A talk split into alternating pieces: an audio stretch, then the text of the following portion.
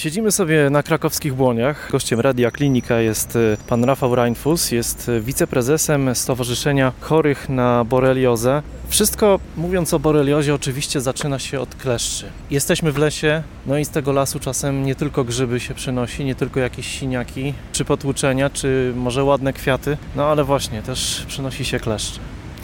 Zgadza się, przynosi się je coraz częściej na nieszczęście.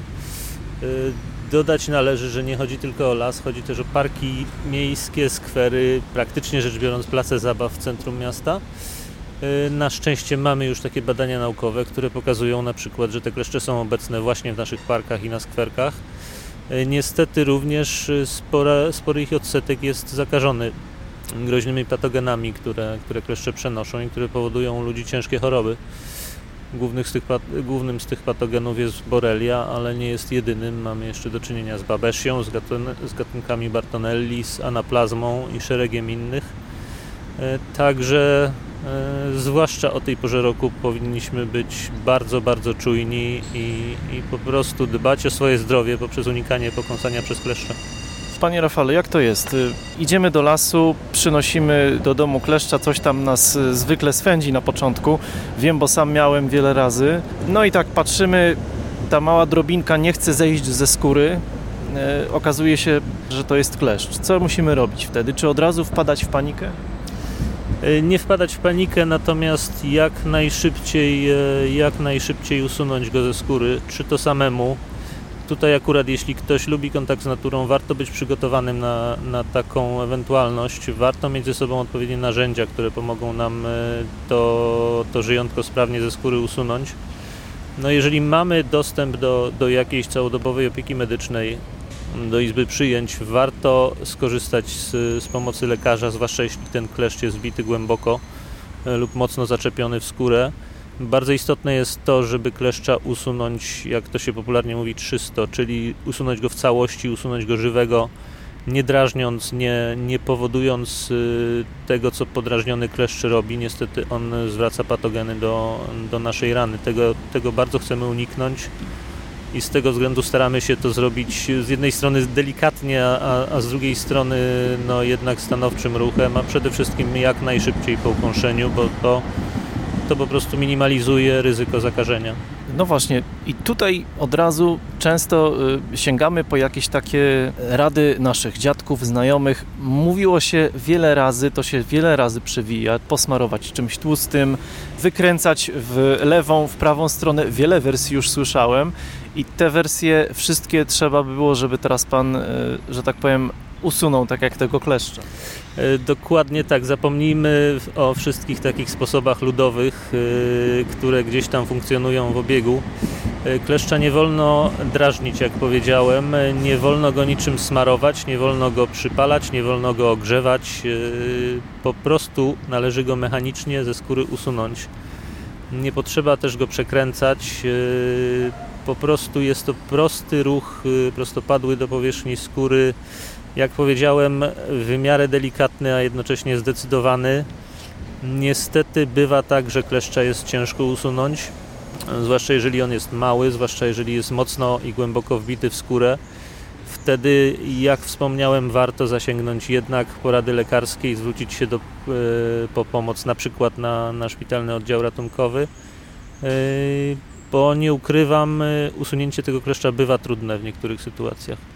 No właśnie, e, ale czy za każdym razem, kiedy usuniemy kleszcza, trzeba się niepokoić? Tutaj ta kluczowa, ten kluczowy moment to obserwacja tego miejsca i powiedzmy o tym, co dalej, czyli powiedzmy o tym, e, co ewentualnie, jeżeli zaczyna się pojawić e, rumień. Pierwsze, pierwsza rzecz jeszcze, o której nie wspomnieliśmy, warto tego kleszcza zabezpieczyć i wysłać do badania takie badania są już możliwe w Polsce, są praktykowane i jest to ze wszechmiar godne polecenia. Y, warto po prostu wiedzieć, czy klesz, z którego, którego zdjęliśmy ze skóry, był zakażony i, i jakimi patogenami, bo, bo to nam daje już pewne narzędzia. Natomiast później, y, później obserwacja nie tylko miejsca ukąszenia, ale, ale w ogóle osoby ukąszonej pod kątem przede wszystkim no, to, co się kojarzy najczęściej z boreliozą, to jest rumień wędrujący, natomiast, czyli zmiana skórna, cylindryczna. czerwonawego koloru. To jest zawsze oznaka pewna boreliozy, tutaj nie ma już dyskusji, to jest po prostu oznaka rozchodzącego się zakażenia w skórze.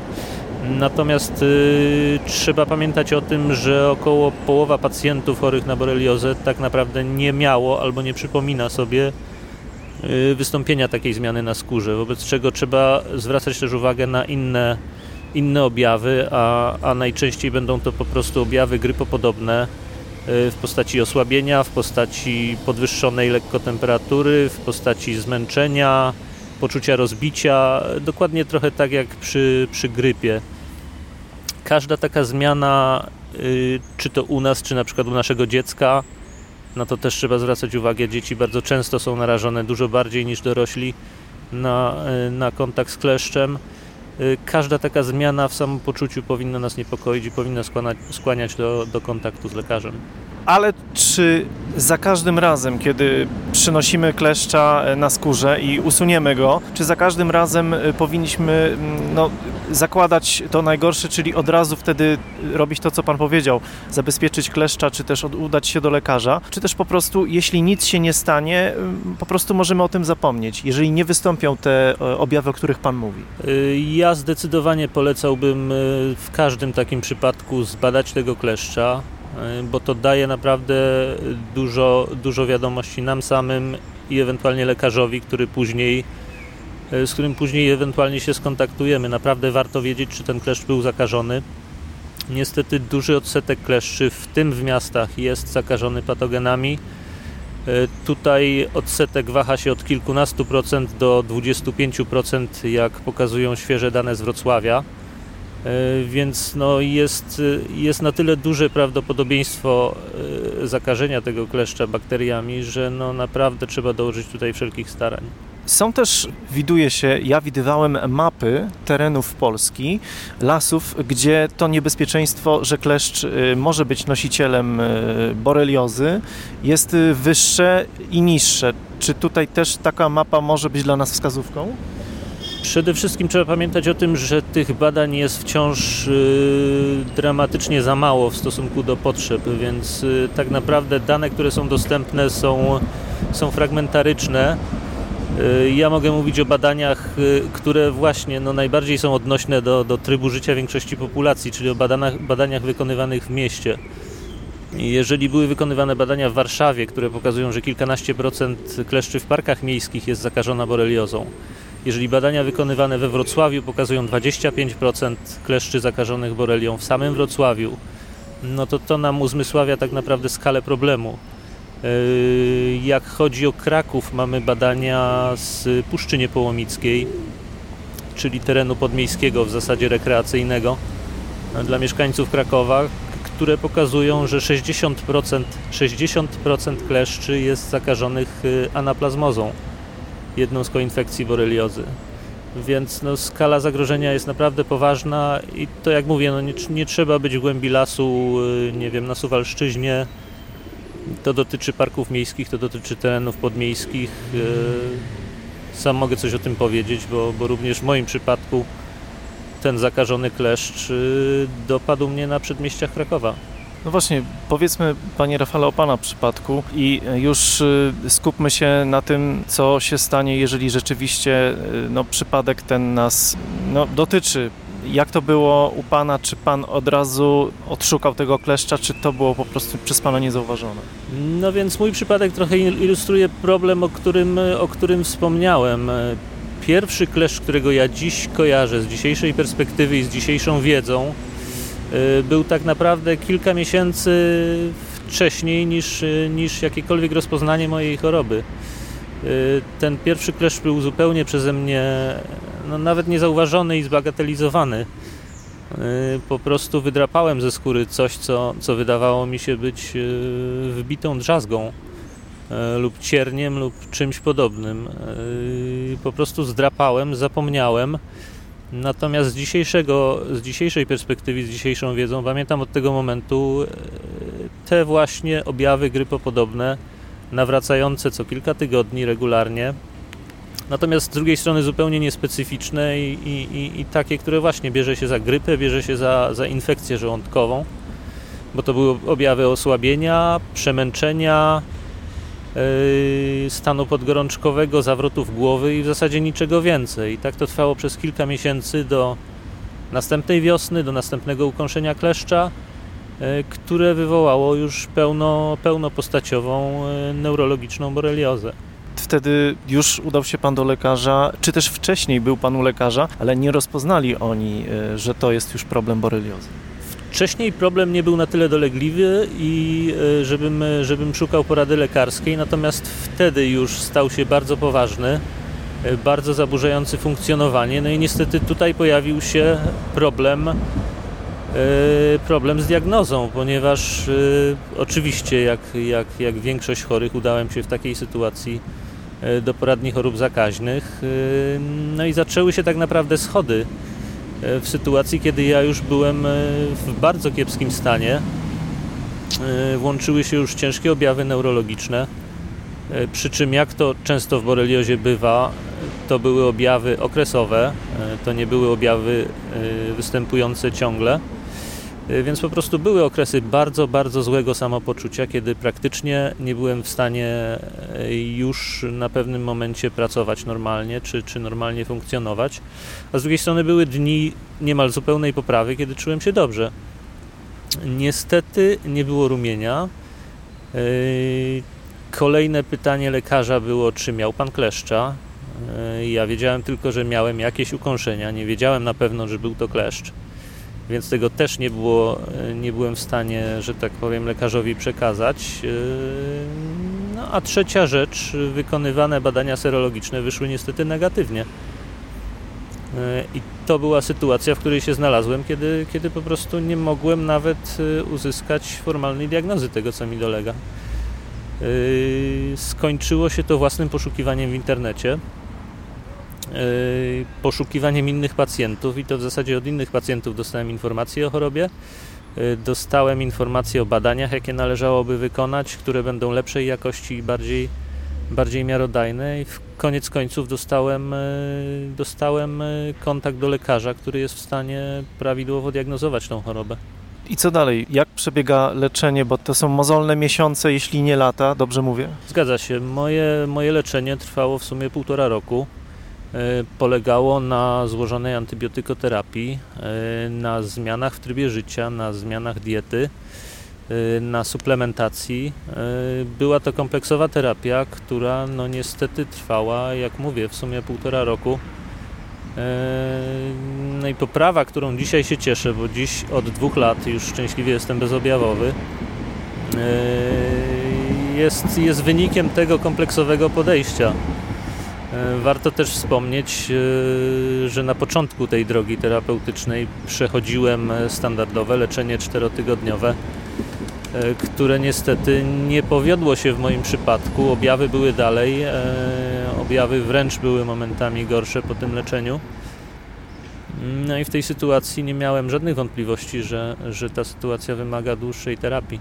Co by się stało, panie Rafale, gdyby od razu zostało tuż po ukąszeniu zdiagnozowana y, sprawa i podjęte odpowiednie kroki. Proszę powiedzieć, jakie to są, mogą być kroki i czy jest szansa dla, dla kogoś takiego, kto od razu uda się do lekarza, no i ten lekarz będzie na tyle dobrze zorientowany, że rozpozna, że to może być y, pierwszy, mogą być to pierwsze objawy boreliozy. No więc to jest sytuacja, kiedy, kiedy szanse pacjenta na pełne wyzdrowienie są o wiele, wiele większe.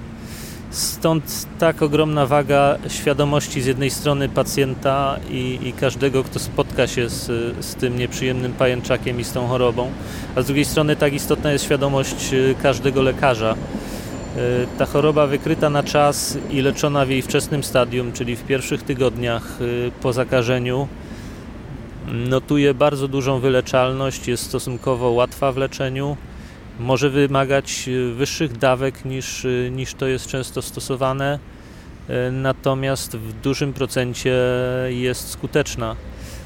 Problem największy z tą chorobą zaczyna się później i niestety on dotyczy bardzo dużej grupy pacjentów, u których te pierwsze niespecyficzne objawy zostaną przegapione. Mm, choroba wtedy niestety przechodzi w trudniejszą do leczenia formę przewlekłą staje się mocno problematyczna w leczeniu, no i często niestety dotyka pacjenta później przez lata, niektórych dotyka przez, przez resztę życia, więc, więc no tutaj nigdy dość podkreślania E, właśnie wagi tej świadomości, i, i, i, i, która ma po prostu wpływ na to, że, że wcześniej wyłapiemy problem. Mówił Pan o zmianie, dużych zmianach w trybie życia pańskim, w momencie, kiedy przez te półtora roku walczył Pan z chorobą. To to jest też tak, że chyba nie mógł Pan po prostu powiedzieć w pracy, bo to przecież może dotyczyć y, wielu osób. Taka osoba nie może wziąć zwolnienia na półtora roku, tylko jakoś normalnie też funkcjonował Pan w tym czasie. Natomiast tak jak Pan mówi, były te gorsze i lepsze momenty. To mi się wydaje chyba najbardziej straszne w tej sytuacji, że są lepsze i gorsze momenty, ale cały czas trzeba brać leki i jednak ten organizm organizm jest y, obciążony. Jak było to u Pana?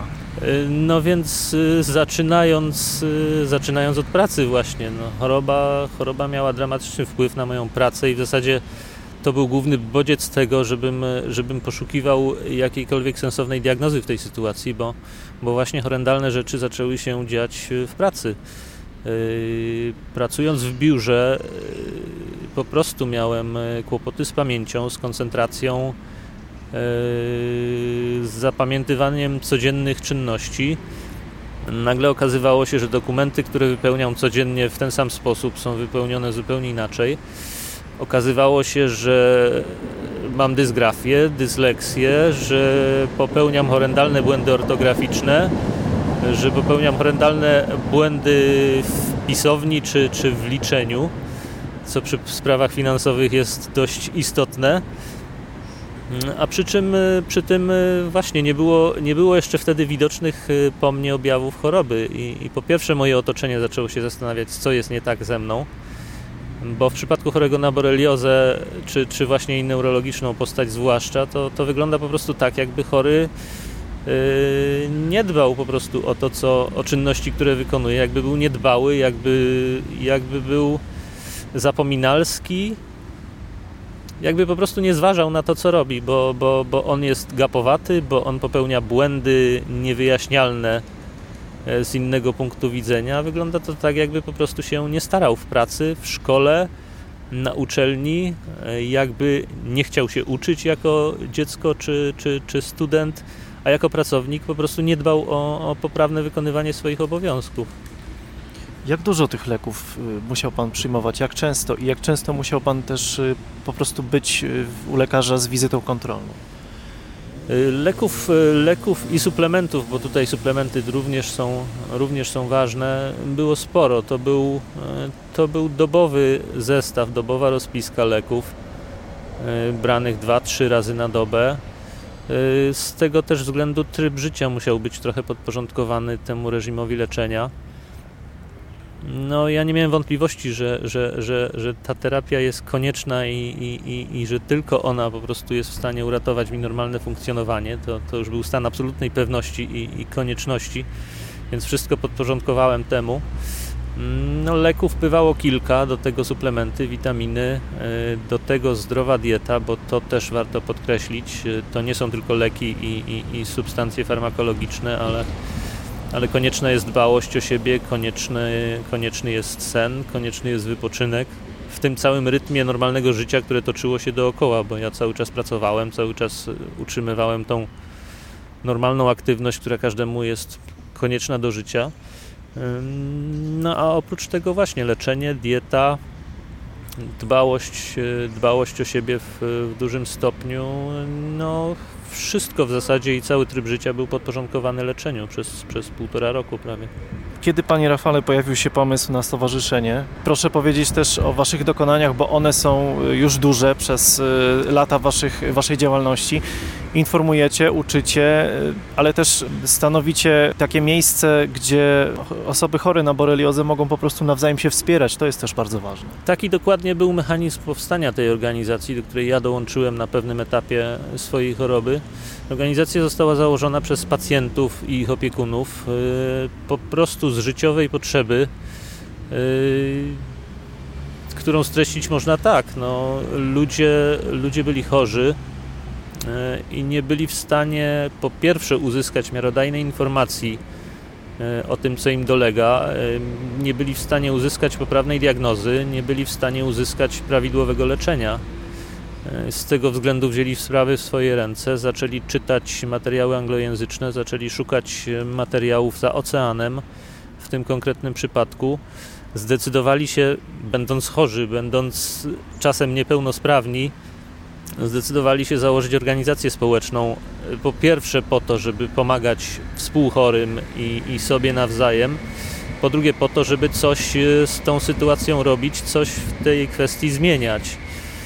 Yy, stowarzyszenie zostało założone w 2006 roku, yy, więc jest wciąż organizacją młodą, jest wciąż organizacją niewielką tak naprawdę, natomiast yy, również prowadzoną przez osoby w dużej części chore i, i, i po części nie w pełni sprawne, co bardzo ogranicza skalę naszego działania i, i nasze możliwości. Natomiast biorąc to wszystko pod uwagę, i te ograniczone środki, którymi dysponujemy, no, robimy wiele, bo, bo po pierwsze, e, jak mówiłem, staramy się szerzyć wiedzę i świadomość, staramy się udostępniać materiały naukowe i popularno-naukowe na temat choroby i diagnozowania i jej leczenia. E, w tym roku wydaliśmy trzecią książkę e, stowarzyszenia.